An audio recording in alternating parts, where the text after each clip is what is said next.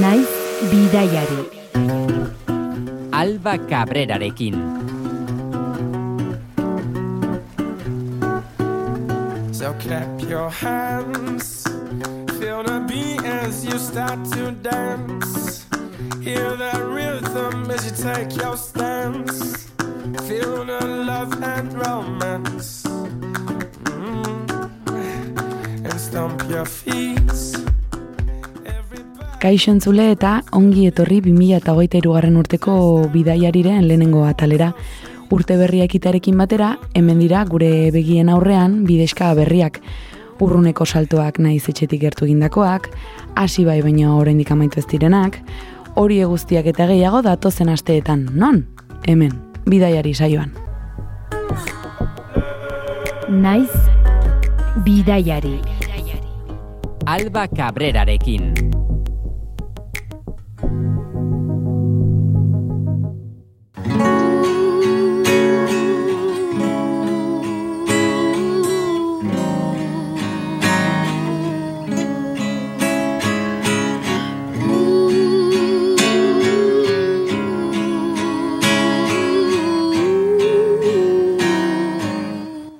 Neguko freskotasunean ez izozteko, klima epelera egingo dugu 2008 garren urteko lehen jauzia. Eta, bero hoietan gehiagi ez urtzeko, bide lagun ezin hobea dut nirekin. Leire hartola, kaixo? Kaixo, Zuk leire, badituzu pilatuta ja da aski bidaia poltsikoan. Zergatik erabaki duzu, jarraian hitz egingo dugun helmuga. Bueno, nik bidaia hau egin nuen e, EHU ikasten ari nintzela eta bertako programa gazten patia izenekoaren bidez. Eta e, programa horrek eman zidan aukera eta horrexegatik erabaki nuen helmuga hau. Betiko lez, ordea, e, gazte empatian eta helmugan sartu aurretik, ba ez dugulako, ez, hasieratik iragarriko zein den herrialdea, pistatxo bat emateko objektu bat ekarri didazu. Bai, e, moskitera bat ekarri dizut, hemen e, ez dugu normalean ikusten, baina, bueno, nahiko handia da ikusten duzun bezala. Bai, maia guztia Bai. hartzen du.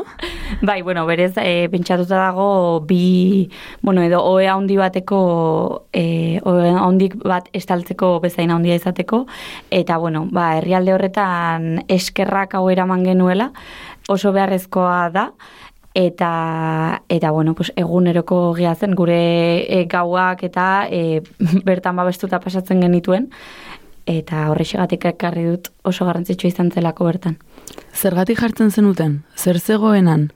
Bueno, ba, nik uste nire bizitzan izan ditudan e, pikadura gehien izan dudala bertan, e, moskitoz josita zegoen, eta eltsoz beteta, eta, bueno, eltso horiek, ba, ez ziran bakarrik azkura ematen zutenak, baizik eta gaixotasunak ere transmititzen zituztenak.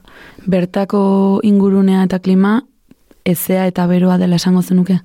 Hori da, hori da. Guk e, izugarrizko beroa pasa genuen, eta e, gu udaran, hemengo udaran joan ginenara, eta alere, e, han, hotz gehien egiten zuen momentua zen urteko beste garai batzuetan oraindik eta bero handiagoa egiten zuen. Beraz, zorte duen izan ginen. Baina lara izerri patxetan. Bai, bai, bai, egun osoa, eta gainera, ba, esan dudan bezala, eltxo ez babesteko, arropa luzeak eramaten ikasi genuen, eta bero are handiagoa pasatzen genuen. Zuen bizilagunak izan ziren.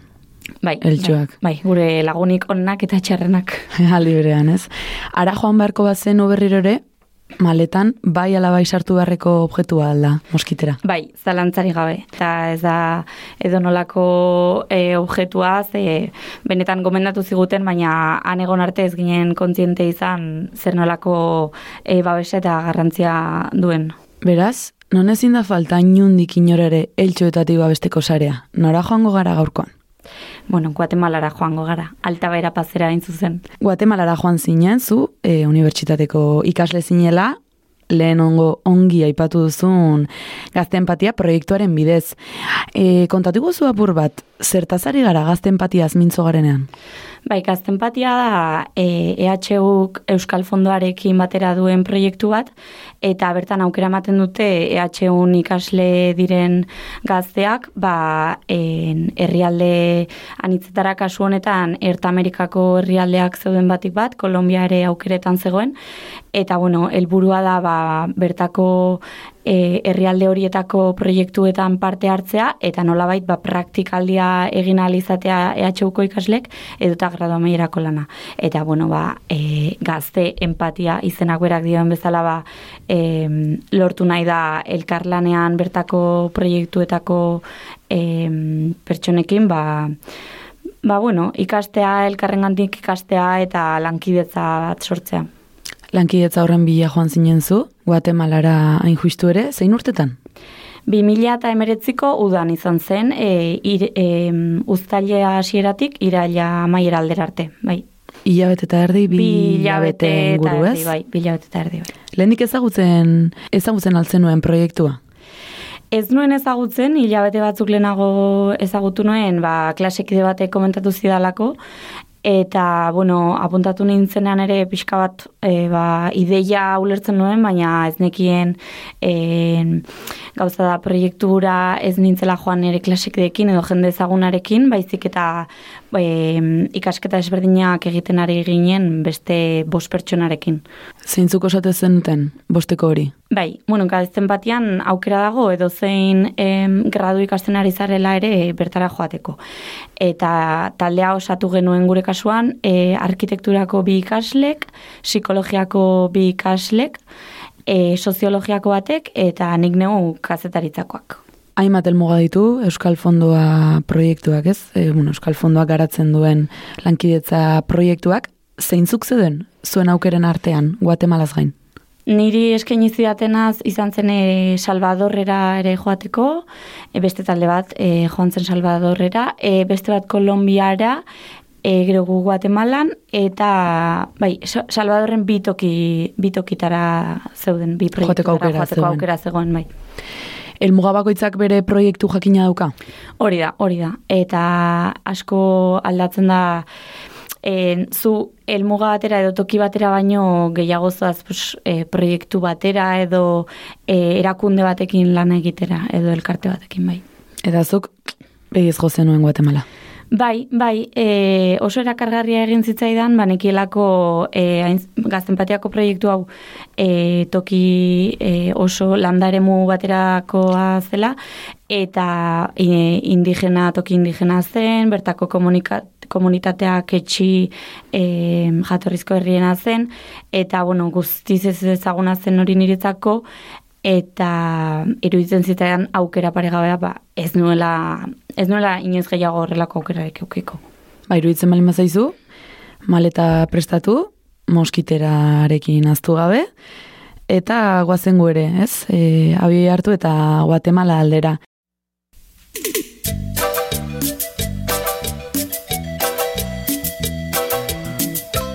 erdialdeko Amerikara gaur, ongi etorria Guatemalara.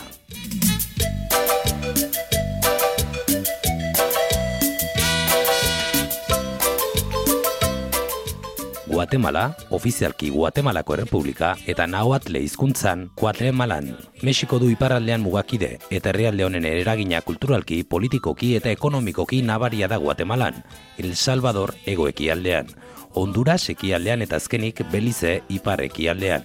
Bitxikeria bat, herrialdeko Amerikan ingelesa hizkuntza ofizialtzat duen herrialde bakarra. Itxaso bat gutxi balitz, bi itxasok bustitzen dituzte Guatemalaren kostaldeak, Ozeano bare erraldoia mendebaldean eta Karibe itxaso epelerako sarbide txiki bat ere badu ekialdean, eunda zortzi mila kilometro karraturekin. Klima tropikaleko herrialdetzat jotzen da Guatemala, naiz eta ezberdintasun nabarmenak egon, iparaldeko lautaden, kostaldeen eta erdialdeko mendikaten artean. Azken eremu honetan sumendi ugari dago, hoietako asko aktibo. Guatemala oraindik ez ezagunak diren herrialde hoietako bat da turismo masiboarentzat eta horri esker herrialdere iristen den bidaiariak benetako herria ezagutuko du. Herritar indigenak, maia, garifuna eta xinka herriek biztaneriaren erdia baino gehiago osatzen dute Guatemalan, baina haien egoera gogorra da eta okerrera egin du gainera urte batzuetatik ona agintariek indigenen hizkuntzetan hitz egitea debekatu eta lurrak kendu zizkieten, horren ondorioz indigenen euneko larogei pobrea da Guatemalan. Ez dira aspaliko kontuak baina, biztaneri indigenaren bazterkeria gerian geratu zen berriro ere herrialde horretan hogei garren mendearen amaieran izandako gerra zibil luzean. Gerra horretan, berro mila pertsona inguru hiltziren eta hildako eneuneko larogei indigena maia zen, sarraskitu egin zituzten bortizki beste asko torturatu egin zituzten eta haien eskubideak behin eta berriz urratu zituzten, baina bizirik ateratzea lortu zuten. Genozidio horren arduradunek oraindik ez dute zigorri jaso. Gaztelania da Guatemalako hizkuntza ofiziala, baina maia jatorriko hogeiren bat indiar hizkuntza erabiltzen dira, kitxeera, kaktxikela, mama, pokomama edo taketxia. 2008 da Alejandro Jamatei eskuindarra herrialdeko presidentea. Ustelkeria kasuekin behin baino gehiagotan erlazionatu da jamatei presidentea eta kazetariei gareste atera zaie egoera hori salatzea. Guatemalako el periodiko egunkariko sortzailea Jose Ramon Zamora atxilotu izan zen pasaden abuztuan eta preso dago oraindik presidentearen ustelkeria salatzeagatik. Guatemalako kazetarien behatokiaren arabera, bertako kazetariek inoiz baino eraso gehiago jaso zituzten iaz. Baina ez tezala herrialde bateko politikak herrialde oso egin du herrialde koloretsua da Guatemala, plazera da merkatuetan itzuli bat ematea, harrituta geratuko zara bertako eskulanekin, zerbait erosi nahi baduzu, ketzal txamponekin ordaindu beharko duzu. Herritarrek abegiz hartuko zaituzte eta akaso bertako paisaiak erakutsiko dizkizute. Atritan lakua, Karibeko izabal eskualdea, edo ta Santiagito, el fuego eta el pakaia sumendiak. El amor, sí, el amor el amor. Kokatu dugu Guatemala mapan leire, oso herrialde handia da. Nora jozen duten zehatz mehatz? Gu zuzenean joan ginen alta bera pazera, e, aireportutik bidaia nahiko luzea izan genuen, ba, elur hartu Guatemalan eta agian egun oso bat e, pasa genuen gure elmugara iritsi arte. Alta berapaz e, nahiko iparraldean dago Guatemalan, eta gu zehazki joan ginen franja transversal den, del norte, oraindik ez dut ikasi ondo esate, e, baina horra, eta zen ba, e, herri zenbait herrik osatzen dute ba, franja bat, eta hori alde batetik bestera zeharkatzen ibili ginen bila batetan zehar. Franja transversal del norte... FTN, deitzen zioten FTN, horrelare laburtu dezakegu, bai. ez trabatzeko. izenak berak dion bezala ez, norten Mexiko iaia eskuekin ikutzen du. Bai, mugan bazegoen, e, egia da gero e, Mexikora ino joateko ere peten e, igaro beharko litzatekela gu biziginen herritik eta peten oso oso oso handia zen eta batez ere e, land, hori bai dela landare mua eta bueno, gero hitz egingo dugun e, palma plantazioz beteta dagoena eta bueno, ba, bidaia e, traba gehiago izango genituen Mexikoraino erraz joateko, baina bai, Mexikotik oso oso gertu den. FTN era iritsi eta e, errisketako albiste izan zineten? Bai, bueno, e, alde batetik, bai zen ezaguna gazten patiak egiten zuen lana, eta Euskal Fondoak ere bertara, bueno, asko, lan asko egin izan ditu bertako eudalekin e, batera. Orduan, alde horretatik ezaguna zen e, gure presentzia, baina beste alde batetik, arraroa ere eta arrotza zen bere jentzako, ze ba, batzuentzat, e, bos pertsonako, bueno, sei hasieran gero bos pertsonako talde hori ez ezaguna zen, zuriak ginen e, hile horiak e, inoiz zituzten ikusi hile horiak adibidez. Eta bai, notizia izan ginen. Bost erriskeko osatzen dute ez, FTN, baina nolakoak dira, oso jendeztatuak aldira. E, ez orokorrean ez badaude herri batzuk handiagoak direnak eta bertan ba zerbitzu e, nagusiak edo esango nukena ba ospitala adibidez handaudenak baino gu bizinik ginen tokiak oso txikiak ziren eta eta bai, bai, txikiak eta biztan gutxikoak. Elkarlana abia puntu, zein zen zuen xedea bertan, ez Euskal Fondoaren bitartez, elkarlanean aritzea bertako eragileekin, baino zenekin eta zertarako zehatzmeatz. Gu joan ginen inzide elkartearekin lan egitera, eta, e, bueno, gure asmoa zen bakoitza bere disiplinatik ba, bertako proiektuetara txertatzea eta pues, nolabait eragitea, bere ingandik ikasi eta e, guk ere gure jakintzak transmititzea eta pues, ba, bai, arkitekturatik, e, psikologiatik, soziologiatik, azetaritzatik, ba, algenuena beraiei ematea eta beraiek zeukatena ere guk ikastea. Hartu eman, alegia. Bai, hori hainbat disiplintatik eta mhm. eta bueno, ez ginen joan e, proiektu zehatzekin eta gure helburua zen bertara iritsi eta nik ustean zer nolako jarduna zuten eta ze martxa zuten, ba e, hor ikustea ze proiektutan parte hartu ala izango genuen guk. Komunitate indigena aipatu duzu, herriska indigena bai, baino bertako herri antolamenduaren arduradunak nongoak ziren? Ba, zoritxarrez guk ezagutu genuen momentuan e, gehiengoak hiri burutik zeto zen, edo kobanetik, koban hiri nagusia zen e, zonaldekoa. Eta ia bat ere ez zen bertakoa, herri bertakoa. Kuriosoa zen, ze, bueno, beraiek esate ziguten bezala ez, e, gurekin adibez inziden lanean zeuden gurekin lana egin zutenak bai ziren indigenak, ketxiak, eta beraiek esate ziguten ez zuela zentzuan dirik e, ba, udal baten e, funtzionamendua eramatea herritik kanpoko jendeak, eta are gehiago ketxiak ez ziren jendeak nola jakengo zuen bakoitzan bertakoen beharrak zein ziren.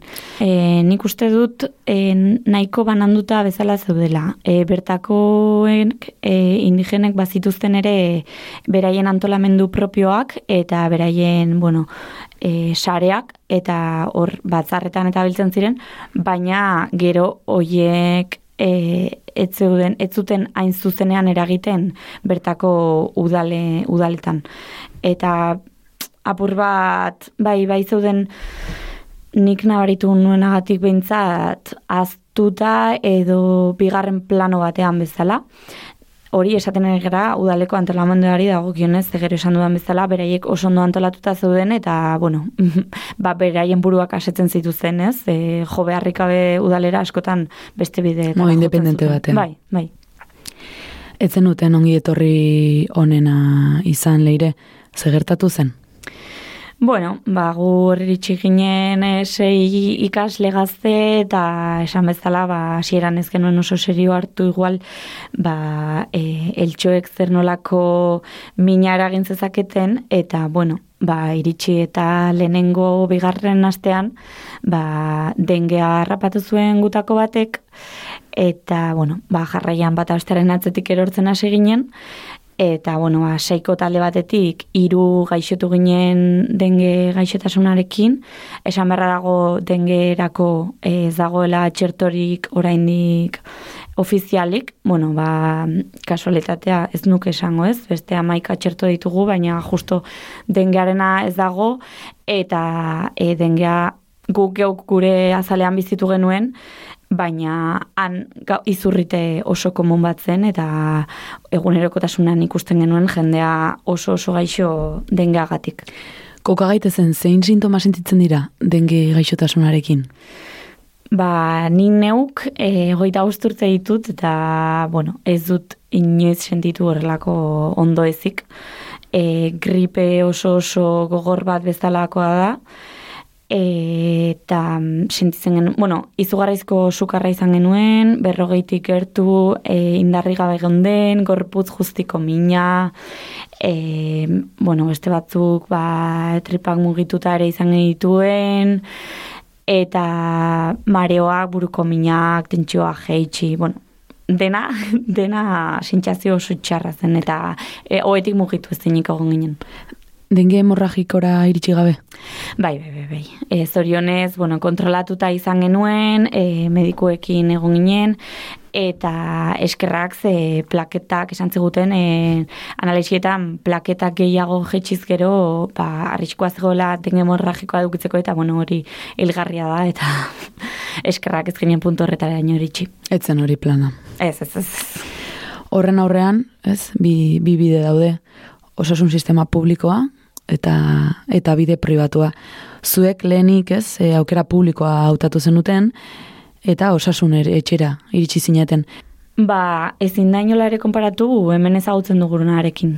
Hemengo osasun sistema oso kritikagarria da eta hori egin behar dugu, baina gero ara joatean, bueno, ba, guri iruditzen zitzagun hemen daukaguna e, izugarri ona dela. E, jen iristen zinen eta bueno, sala handi bat aurkitu genuen e, jendez gainezka, jendez lepo, eta e, zein hartatzen zuten lehenago, ba, bueno, ba, mm, ia hilzorian zegoena, lehenago sartzen zen, eta beste gaixoak, ba, itxaron zezaketenek, pues, ordu luzez itxaron behar zuten, hau e, larrialdi zerbitzua hitz egiten ari gara, eh?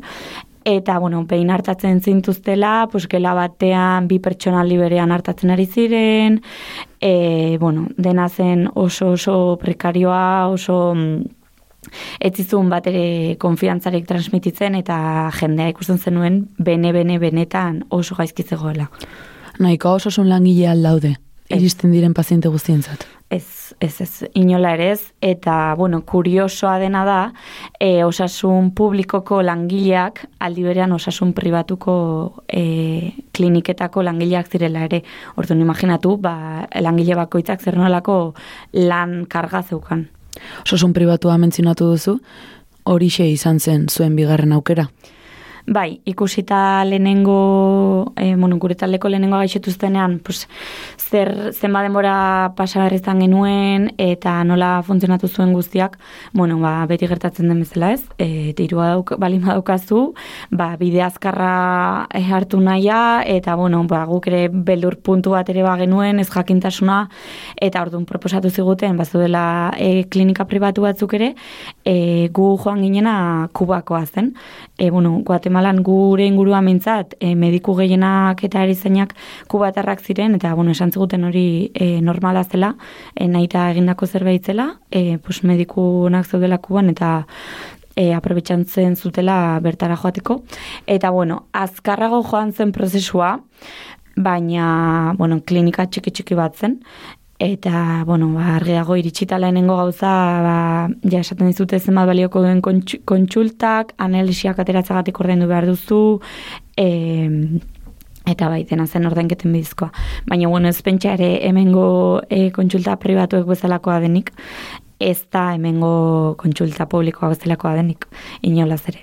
Ingresatuta izan zinen.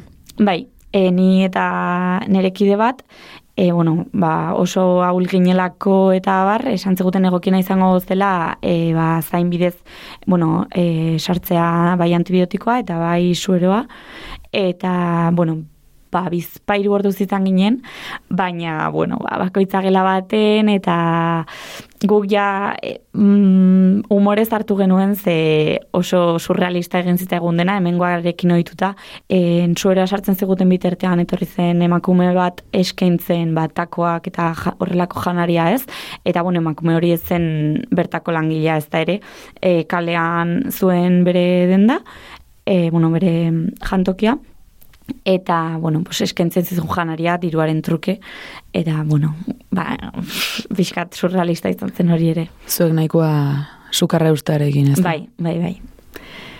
Aipatu duzu nola ez, en, ba, farmako bakoitza ordaindu egin behar den, kontsulta bera ere ez, edo bertan erabiltzen den instrumentala nola ordaindu behar den, bertako herritarrentzat garesti ateratzen alda hori. Bai, zalantzare gabe, askok ezin dute autu hori egin, eta e, kontsulta publikora ere joateko e, oso oso oso gaizki dagoen jendea joaten da medikura, esan nahi dut. E, ez da, ai, mina dut ezakit non eta medikura joango naiz, edo ez berai jarraitzen dute berain egunerokoan, ze ez daukate astirik e, pasatzeko ba igual e, egun oso bat, ze guk lehenengo alian egun oso bat pasa genuen e, zain eta zain, eta batetik bestera ez daukate beraiek denbora, e, ez da baliabideak, eta orduan jarraitzen dute lanean, eta adibidez pues, dengaren kasuan dengea pasa genuen, eta bueno, pues, gripe gogorra zen, gaizki pasa genuen, baina ez genuen ulertzen nola hiltzen zen jendea dengearekin. Baina noski gero konturatu ginenean, jendeak horrelako egoeran egonda ere, jarraitzen zuela bere egunerokotasunean, e, lanean, etxean lanean baita ere, umeak zaintzen, eta ba, normala da gorputza mm, putu bat arte aguantatzen du ere. Realitate gordin batekin egin zenuten topo, ara ligatzean, eta sukar altuekin hasi zenuten esperientzia leire. Etzen amestutako hasiera izan, baino horrelako horrelako xea izan zen, ez? Behin indarrak batzen hasita, et, e, buru belarri murgildu zineten zenbait proiektutan, Lehen aipatu didazu, bost herritan dagoela banatuta franja transversal del norte. Horietan guztietan ibiltzen altzinaten. Gehienetan bai, e, gu hasieran bizi ginen txalen, gero mugitu ginen raxu jara, e, bertan pasa genuen dengea, eta gero baita ere ibiltzen ginen e, Frai Bartolome de las Casasen, eta txiseken ere bai, e, lau horietan batez ere. Nola egiten zenuten, batetik bestera mugitzeko? Bueno, e, autobusa, baina ez autobusa guk hemen ezagutzen dugun bezalakoa, baizik eta ba, autobus kurioso batzuk ziren. E, gu bukararako e, guztua eta den hartu genion, e, ziren furgoneta batzuk, e, ba, gian berez e, bederatzi pertsonentzako plaza zuena, ba, ba, igual hogei pertsona, esageratu gabe. Joaten ziren bertan, e, zutik, altzen moduan, bat bestearen gainean, batzuk olioak zera matzaten e, bertan, beste batzuk, bueno, maleta guztia kanpoan, goian, e, goiko aldean, eta pertsonak batzutan ere goiko aldean jotan joaten ziren. Eta bueno, e, pertsona bat egoten zen, sartzen zen bakoitzari dirua eskatzen, eta ba, nora antzaren arabera edo elmugaren arabera ba, garistago den merkagoa zen, eta baina, bueno, bai, historia kuriosoak izan ditugu autobuserietan, eta ordu desente pasaitugu erean. Zenbateko distantziago erriska batetik bestera? Ba, mm, kalkulatzeko edo ulertzeko, mm, hemen amar minututan autoz egingo genuken bidaia bat, han agian berrogei minutu edo ordu bat tardatu zenezaken trafikoaren arabera, eta noski errepideak ere, ba, errepide bakarra zegoen franja hori zeharkatzen zuena, eta Asfaltatua zen? E, bai, baina zati asko asfaltatu gabeak, baina, bueno, ba, zuloz beteta eta norantza bakarrekoa, bueno, esan nahi dut, e, bi norabidetakoa, baina aurreratzeko tarteare, bueno, ba, sustoren bat edo beste ere euki genuen. Ba, kuriositatea piztu didazu, leire. Guazen gu ere, autobus horretan igotzera. No fui correspondido.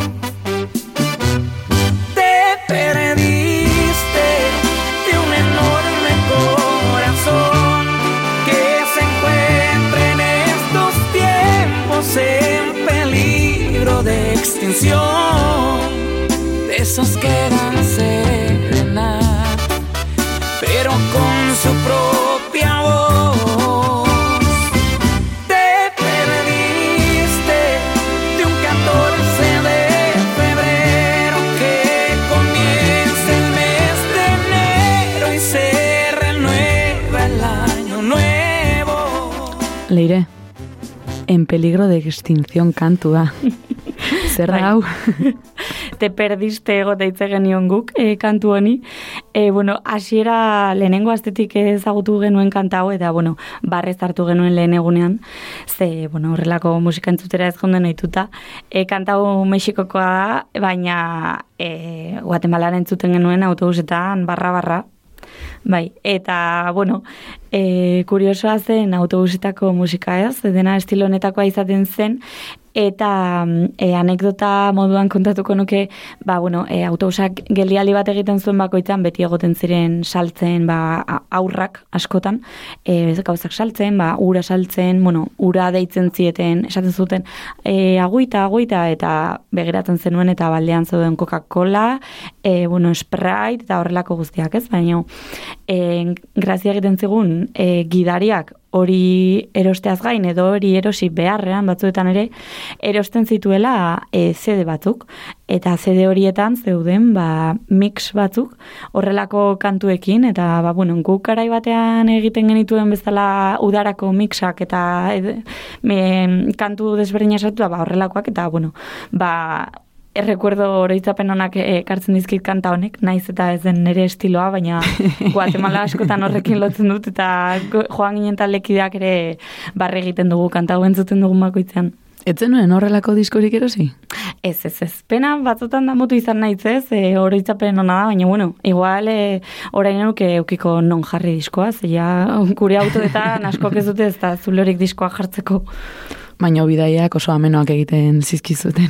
Bai, bai, bai, bueno, eta bai, lo pasatzen genituen ere e, bidaiko lehen asteak behintzat, e, gaixotasunagatik edo ordu aldaketagatik eta bar, ba, bueno, lo pasatzen genuen eta e, argazki oso graziosoa ditugu ere, ba, bueno, e, burua erortzen zitzaigun albokoaren gainera eta, bueno, hori normala zen, e, ba, bueno, ez ezagunen gainean egin egiten genuen lo eta beste batzutan beraie gure gainean eta kurioso zen ere, bueno, bertan ere begirada e, kuriosoak e, izate genituen ez, jendea begiratzen zego, jo, norri zangote dira hau, eku euskaraz hitz egiten eta ez zuten ezer bilertzen eta zuri batzuk hemen autobus honetan, baina bai, bidai horiek anekdota gara ditugu bidai horietan.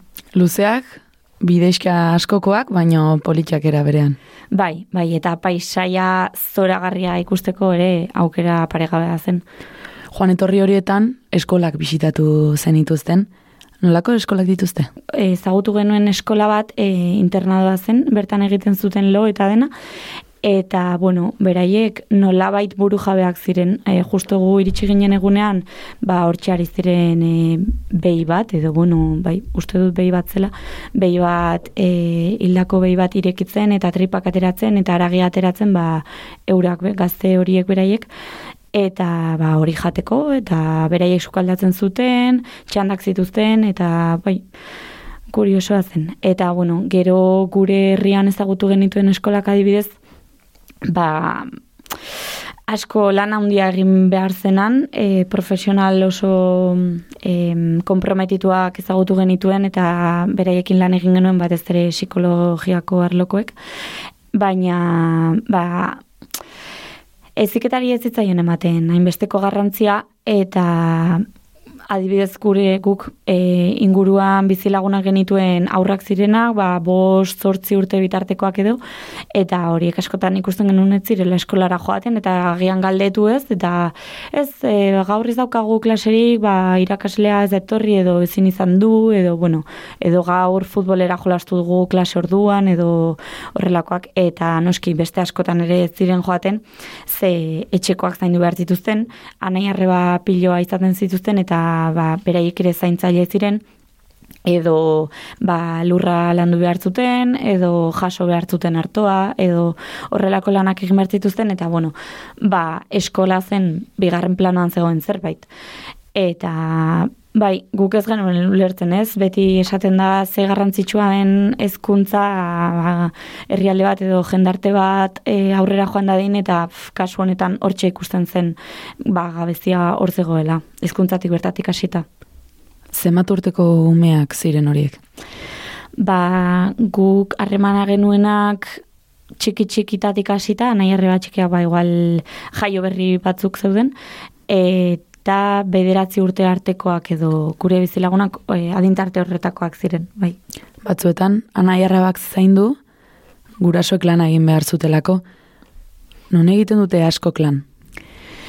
Landa ere muan eta ekoizpenean e, e, bizimodua, bere haien bizimodua hori da, goizean goiz esnatu, eguzkia alik eta baixuen dagoen momentuan, ba, esan bezala beroak ez eragiteko beste, eta joaten dira euren lurre, lurrak lantzera, batez ere hartoa lantzen zuten, eta bueno, pues, e, jateko oinarrizko zerealak batez ere, eta bueno, gero euren oilioak zituzten beste batzuk, beste batzuk salgai jartzen zuten ba, hori oilaskoa, arrautzak, eta e, urteko aldiaren arabera, ba, e, fruitu batzuk, beste batzuk, e, banana, bueno, platanoak, asko ekoizten zituzten, eta, bueno, ba, zeukatenarekin bizi ziren, esango dugu edo ekoizten zutenarekin bizitzen saiatzen ziren. Era berean, bada ez, behin eta berriro errepikatzen den paraje bat bosterriska hoien inguruan, palma plantazio izugarria handia dago. Beren jarduna egunerokoa ere baldintzatzen du horrek. bai, eta en, em, eremu hau guztia baldintzatzen du palma plantazioek, baldintzatzen dute, esan bezala lan egiten dute lurra lantzen, baina beste batzuk ez dute lurrik, eta horiek askok eta askok palma plantazioetan egiten dute lan. Palma afrikarraren plantazioetan, esan behar da, palmondo hauek ez direla bertako bertakoak. Kanpotik ekarria direnak eta noski plantazio horiek bueno, ba, argi eta garbi ikusi genuen guk enpresa multinazionalen menpe zeuden eta ordun palma plantazioetan lan egiten zuten horiek e, langile hutsak ziren eta hor jasotzen zuten bakarra zen soldata eta duina. Bueno, duina nik esango nuke ez, ez, berai galdetu beharko genioke, baina e, kopurioari dagokionez e, palmaako langileak ziren gehien irabazten zutenak e, inguru horretan. E, beti ere hitz egiten ari naiz e, landa ere honi buruz, eh, eta e, altabara pazeko ere honi buruz. Eta bai, dirua dezente lortzen zuten, baina etzieten bizimodua ematen, ze e, adibidez bi astetik behin edo hilabetean behin jasotzen zuten soldata, normalean bi astetik behin, baina jasotzen zuten guzti hori e, eskuartetik joaten zitzaien, batik bat alkolean xautzen zuten, ba, segituan joaten zitzaien diru hau. Bertakoek e, kontatzen ziguten ez, asko, ze gai honi buruz asko hitz egin genuen hango jendearekin, eta esaten ziguten, ba, hain gogorrazen e, plantazioetako e, lanbidea ez, ba, oso jornada gogorrak izaten zituzten ordu piloa, joaten ziren plantazioetara eta ez ziren gauean etxera itzultzen askotan plantazioen erdian bertan zeukaten bueno ba logitoko tokia edo e, minimoki bizitzeko toki bat eta urrengo izan berriro berriro eta segurta bat segurtasunik gabe egiten zuten lana kimikoekin egiten zuten lana en, bueno eta argiago ere plantazio, bueno, zuaitz horietako enborrak eta gainera erorita, ba, istripo ugari ere gertatzen zirela. Lana etzen bat ere erraza, eta naiz eta dirua lortu etzen bat ere duina. Multinazionalek, bertako isarri gainera ez, e, lurrak erosi, alegia, lur horren jabe izatetik, lur horretan gatibu egotera igarotzen ziren asko. Horixe, horixe. E, bueno, bertako multinazional nagusia zen Repsa. En izkilarriz. Eta, bueno, kuriosoa da, izenak berak dioelako reforestadora de peten esea. Reforestadora ez, bueno, ze polita, dena sartzen zara eta bereien logoa dena berdea, oso ekologikoa, favore bat egiten ari gara gure elurrari ez, e, zuaitzak landatzen ari garelako berriz.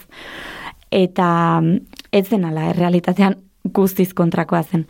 E, bertako, esan duzun bezala, bertako herritarrak lurren jabe izatetik gatibu izatera e, pasatzen ziren, zeren enpresari hauek e, hasten ziren lurrak erosten edo gehienetan lapurtzen. Lapurtu, ba, bueno, beraiek esan guzti, ez, ez dutela lapurtu lur horiek ez ziren eurenak, baina eski, e, bizitza guztia dara mate hor bizitzen eta lur horiek lantzen noski direla aurenak eta eskubide hori aldarrikatzen duten milak aktivista e, daude Guatemalan beste herrialdetan ere, baina Guatemalan ere. Eta mm, enpresa horiek egiten zutena zen esan e, diru kopuru handi bat emango zietela ez, e, lurjabe horiei, jatorrizko lurjabe horiei, eta beraz, ba, hango herritar bati eskeinitakoan diru kopuru izugarria eta saldutakoan e, favore bat egiten ari dela lurra e, landatuko dutela eta bar, ba, noski saldu egiten dutela, ez? Ez bali maukaten nahikoa bizitzeko, ba, diru hori oso beharrezkoa dutelako. Oso aipagarria, bi garren urtean hasi zirela multinazionalak palma landatzen, eta gaur egun arte euneko, seire euneko azkundea izan duela e, ez da akatsa, eh? euneko seireuneko azkundea. Euneko seireun. Bai, e, bat ere ez egotetik, ba, imaginatu zen bat egotera pasatu den izugarrizko negozioa daukate hor e, montatuta. Han landatzen duten gehiena, gero esportaziorako da euneko haundiena esportaziorako da. Eta Guatemalan gukertutik ikusi genuen eta hogei urtetan izugarri aldatu da euren egoera guztia. E, goitik bera, bai, em, klimari dagokionez, lurrari dagokionez, e, pertsonei dagokionez, dena soziala erabat aldatu da palman industria multinazionala usartu denetik eta monolaborantza delako ere. Gurean, supermerkatuetan, zerk dauka palma olioa? Zerk ez dauka, esango nuke ez. Gomendatzen dieten zulei urrengoan supermerkatura joatean begiratzeko etiketak eta edo euren etxeetan bertan dutena.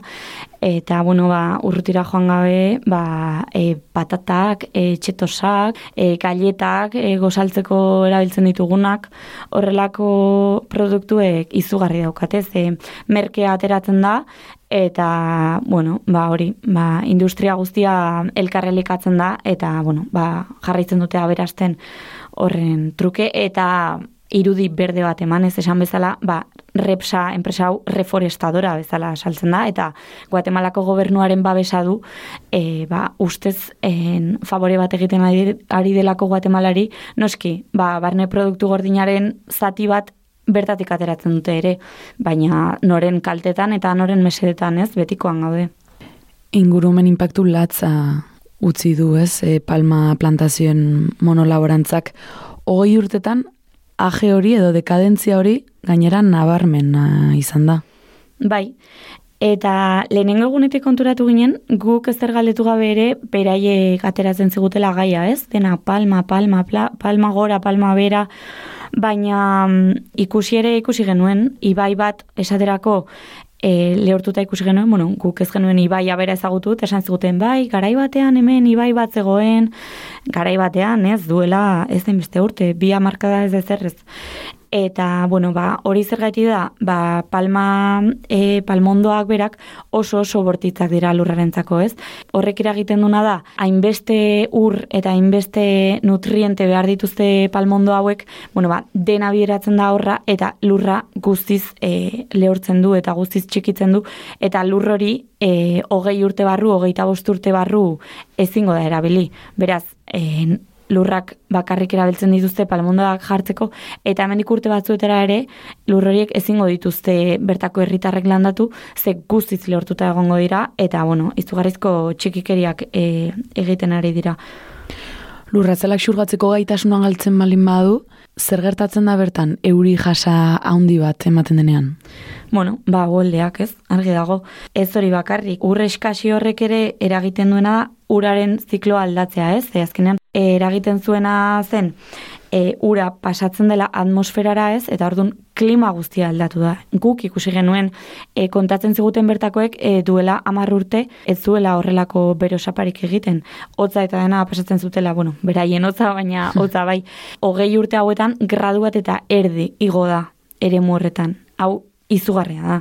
Benetan, eske datuek eurek hitz egiten dute ezer, ezer gehiago aipatu gabe, benetan zer nolako e, bueno, albokalteak. Bai, bai, eta, bueno, nazioartean jada ekozidio deitzen ari, ari zaizke palmondoen e, industria guzti honi, ze ez, ez bakarrik klimarena, baizik eta erabiltzen dituzten, dituzten kimikoen bidez eta e, lurrera pasatzen dira, eta ibaietara pasatzen dira kimiko guzti horiek, eta bertako... Em, arrainak eta dena kutsatu egiten dute eta gero argi dago e, animalia horiek eta lurretik biltzen duten hori bertako herritarre jaten dute. Hortik gaixotasunak sortzen dira dena da bueno ba sorgin gurpil bat bai guztiz eta albokaldeak izugarriak dira bat bestearen atzetik. Horren aurrean ez e, bada resistentziarik bada badira lurraren defendatzaileak Bai, bai, adibidez guk ikusi genuena setxak komunitateko adibidea ezagutu genuen eta bertan e, antolatuta zeuden palma plantazioi aurre egiteko ba, beren lurren jabeza berreskuratzeko lanean zeuden baita ere ez.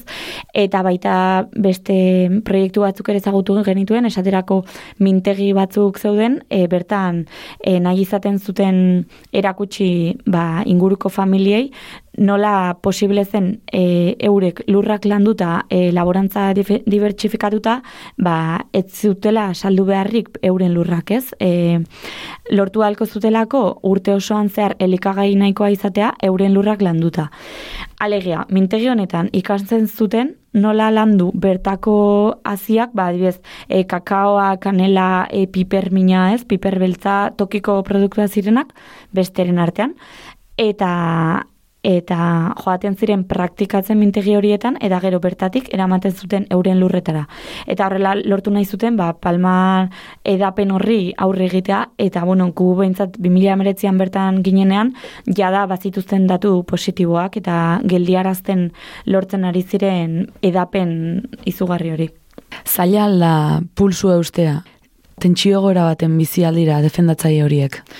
Bai, zalantzari gabe, eta guk e, ikusten genuen baskotan elkarrezketak egitera joan da edo, askotan beldurra handia zegoen, noski, e, gu gindoa zen gure zuritasunetik eta gure e, askotan ez jakintasunetik galderak egitera, eta ez ginen konturatzen e, benetan eriotza mehatxupean zeudela horietako lur, lurren defendatzaile asko, kriminalizazioa izugarria zen indigenen aurkakoa, asko eitz egin genuen beste batzuk e, kartela agindua zegoen beraien aurka, eta, bueno, ba, adibide bat jartzearen ez, e, Lolita Txabez e, batzuek ezagutuko dute e, Euskal Herrian erbesteratua, e, Euskal Herrira erbesteratu behar izan zuen, ba, hiltzen saiatu zirelako eta bera da kitxe komunitatekoa e, lurraren defentsan aritzeagatik eta bueno, lurra eure gainera lotzen zuten lurraren defentsa emakumeen e, gorputzen defentsekin eta pues lolitak adibez e, ies egin behar izan zuen.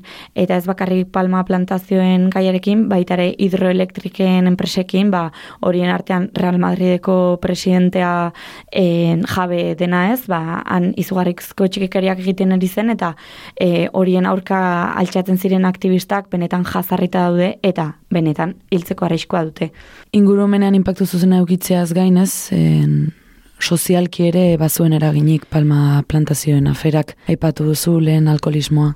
Bai, e, komentatzen ziguten e, beste gauzat hori zen. Alkoholismoak eragiten zuela indarkeria emakumeen aurkakoa argi eta garbi. En, gu anginela ezagutu genituen datuek erakusten zuten, inguru horretan emakume jasaten zuten indarkeriaren euniko laurogeita marra etxean bertan jasaten zutela, eta txikia, bueno, askotan txikiak zirenetik, amarrurteko aurrek ere, beraien aiten, al, aiten partetik, ze, bueno, ez dut zehaztu baino, palma plantazioetan lan egiten zuten gehien gehienak gizonak ziren, ez? Lan gogor edo fisiko horiek gizonei e, bideratzen zitzaizkien eta bueno, alkoholismoare guk ikusten genuen goizean goizetik guztiz mozkortuta egoten zen eremu batzuetan jendea eta horiek etxera heltzen zirenean, bueno, beraien emazteak jotzen zituzten Eta, bueno, horreta, horri aurre egiteko ere, bazegoen amaika ekimen zeuden antolatuta, guk adibidez inziderekin lanean ginela, inzidek eh, ekimen asko zituen emakumeen alduntzeari lotutakoak, eta Red de Mujeres izeneko batza, batzorde bat e, zuten, bertan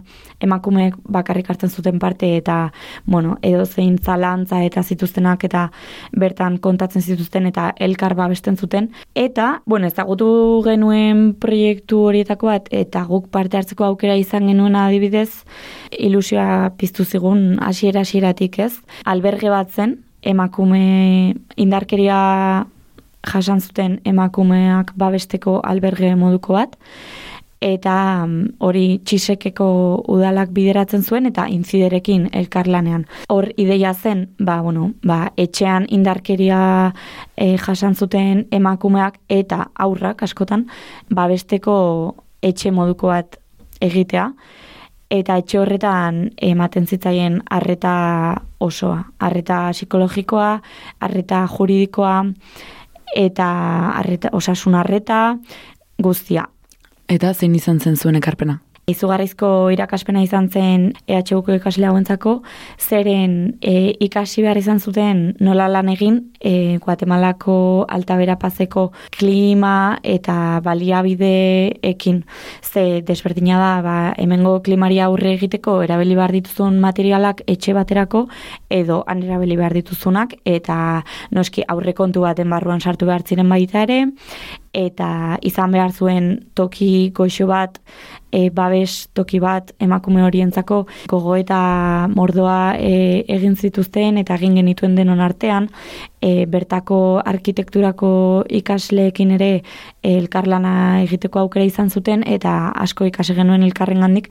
Iruditzen zait alberge honen proiektua dela gure bidai osoko e, puntu azpimarragarrienetako bat ze oinarria oso ona zen eta izugarrizko laguntza eman altzion e, alta berapazeko ere murri, baina e, eraberean ez zegoen oso ondo pentsatuta e, e, albergia bera ez zen emakumeen bizitoki izateko modu bat. Ba, garrantzia handiagoa zuten adibidez, ba, en abokatuen bulegoak edo bai, edo psikologoen bulegoak eta bueno, ba, guri garrantzia handiagoa zuela, ba, bizitoki horri bizigarritasun bat emateak, ez? Eta ordun ba, buelta bat eman genion horri eta beraiekin elkarlanea, ba bueno, iruditzen zaitezkenean oso alberge e, goxoa eta hainbeste behartzena, ez? Ere morretan hainbeste behartzena e, egitea lortu zutela.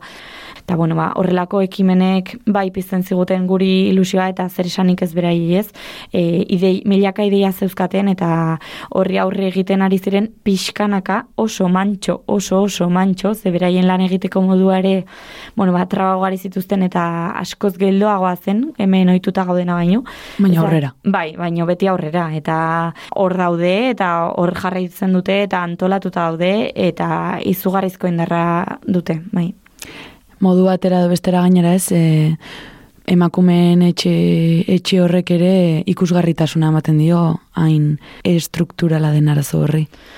Bai, argi eta garbi. Kuriosoa zenez, e, matxismoa oso argia zen guk kalean edo zein tokitan ikusten zenuen ez, baina aldi berean guri asko erakutsi zigun nola zeuden emakumeak goi postuetan, ez? E, lehen komentatu dizuan bezala indigenak saretuta zeuden eta beraien batzorde propioak zituzten eta batzorde horietan emakumeen presentzia izugarria zen. Batzordeko erabakitzeko talde bakoitzean kopuru bera zen emakumeena eta gizonena eta hori beraiek hautatuta izan zen. Makina txinparta piztu zen ituzten, zuen bi hilabetetako egonaldian ez, e, bertakoekin elkarlanean. Zer esango zinioke leire, ez, e, gazte empatiako proiektuaren arira bertaratzen den edo ara joan nahi duen norbaiti, ez, hango su txiki hoiek elikatzen jarraitzeko? Bueno, azteko gomendatuko nioke, eta hau edo zein tokitara bidaiatzean ere gomendio berdina egingo nuke, e, komunitatean barneratzen saiatzea ez euren tokia hartu, zerge dago, baina bai e, euren bizimodura egokituz. Oso desberdina guk guk egun nabaritu genuen ba, gaixo egon ginen aldian adibidez ia ez ginen etxetik ateratzen eta bueno, ba, egunerokoa oso itxigarria zen eta ez genuen ezer berririk ezagutzen. Baina gero bertakoekin lanean hasi ginenean eta bueno, gure buru e, europear hauek irekitzen hasi ginenean eta egokitzen euren bizimodura ba, gauza askoz gehiago jaso genituen e, batzuekin geratu gara, beste batzuekin ez, baina e, oso oso aberasgarria dela bientzako, ez? Bai eurentzako eta bai guretzako ba hori. E, klitxea da, baina empatia hori ukitzea eta benetan proiektu honek e, aukera ematen dizu, ez? E, esketz balin baduzu hori egiten, ez balin bazara ohitzen saiatzen, ezin duzu esperientzia hon bat izan, eta eurak ere ez dira eroso egongo zurekin.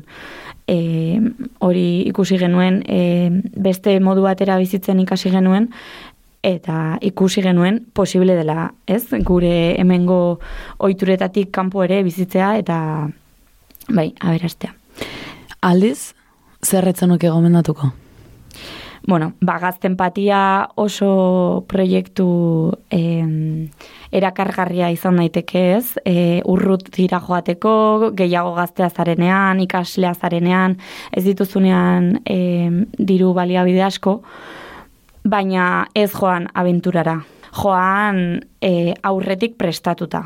Batez ere informatuta, beraien historia ikasita, ikasita e, ze kolonizazio bizitzan zuten, zer gaiti dauden indigenak baztertuta, e, bueno, ba, adibidez guri joan aurretik komendatu ziguten ez, e, me llamo Rigoberta Mentxu liburua, eta hor kontatzen du ba, Guatemalako historia lehen pertsonatik, e, bizizan zuen pertsonati buruzko liburua, eta eta hori, ikastea batez ere, zer gaiti dauden, orain dauden egoera horretan, eta ulertezina iruditu alzaiguna, ba bueno, ulertuta joan ara. Ez hasi han ulertzen beraien egoera. Eta prestatuta joan. Horixe, gomendatuko nioke. Etxeko lanak Euskal Herritik. Bai, argi eta garbi. Esan dugu ez gazte empatiak aukera bermatzen dietela Euskal Herriko Unibertsitatean ikasten duten ikaslei, baina zuk ikasle bilbida badira urte batzuk bukatu zenuela, ez da? Bai, Baina hala ere egingo alduzu horrelako tankerako bideirik, laister. ba, bai, planean ditut e, bideia ugari, eta, bueno, denek e, emango badidate, ba, Guatemalak eman didana, edo bidaiatu dudan beste herrialdek eman didatena, ba, ongi etorriak denak, eta beti ikasteko prest, eta emateko eta jasotzeko prest. Leira hartola eskerrik asko ba, eta jarraitu ez, elikatzen zure bideiari sen hori, eta bueno, bakizu, ba, egiten dituzun geldialdi bakoitzean, gero ona etorri eta kontatuko dizkiguzu abentura guztiak. Eskerrik asko gonbidapenagatik, eta bai, e, dena kontatzeko prest beti. Ondo izan, eta zaindu. Agur. Gaurko saioaren amaierara iritsi gara entzule, baino badakizu entzungai gaudela, ba, bueno, podcast plataformetan, nahi duzun doinutan neurrian, eta bide batez, ba, zure bidaiaren berri eman nahi balin baduzu, badakizu oso erresa daukazu. Idatzi, bidaiari abildua naizirratia.eus elbidera. Bidaiari abildua naizirratia.eus. Zaindu!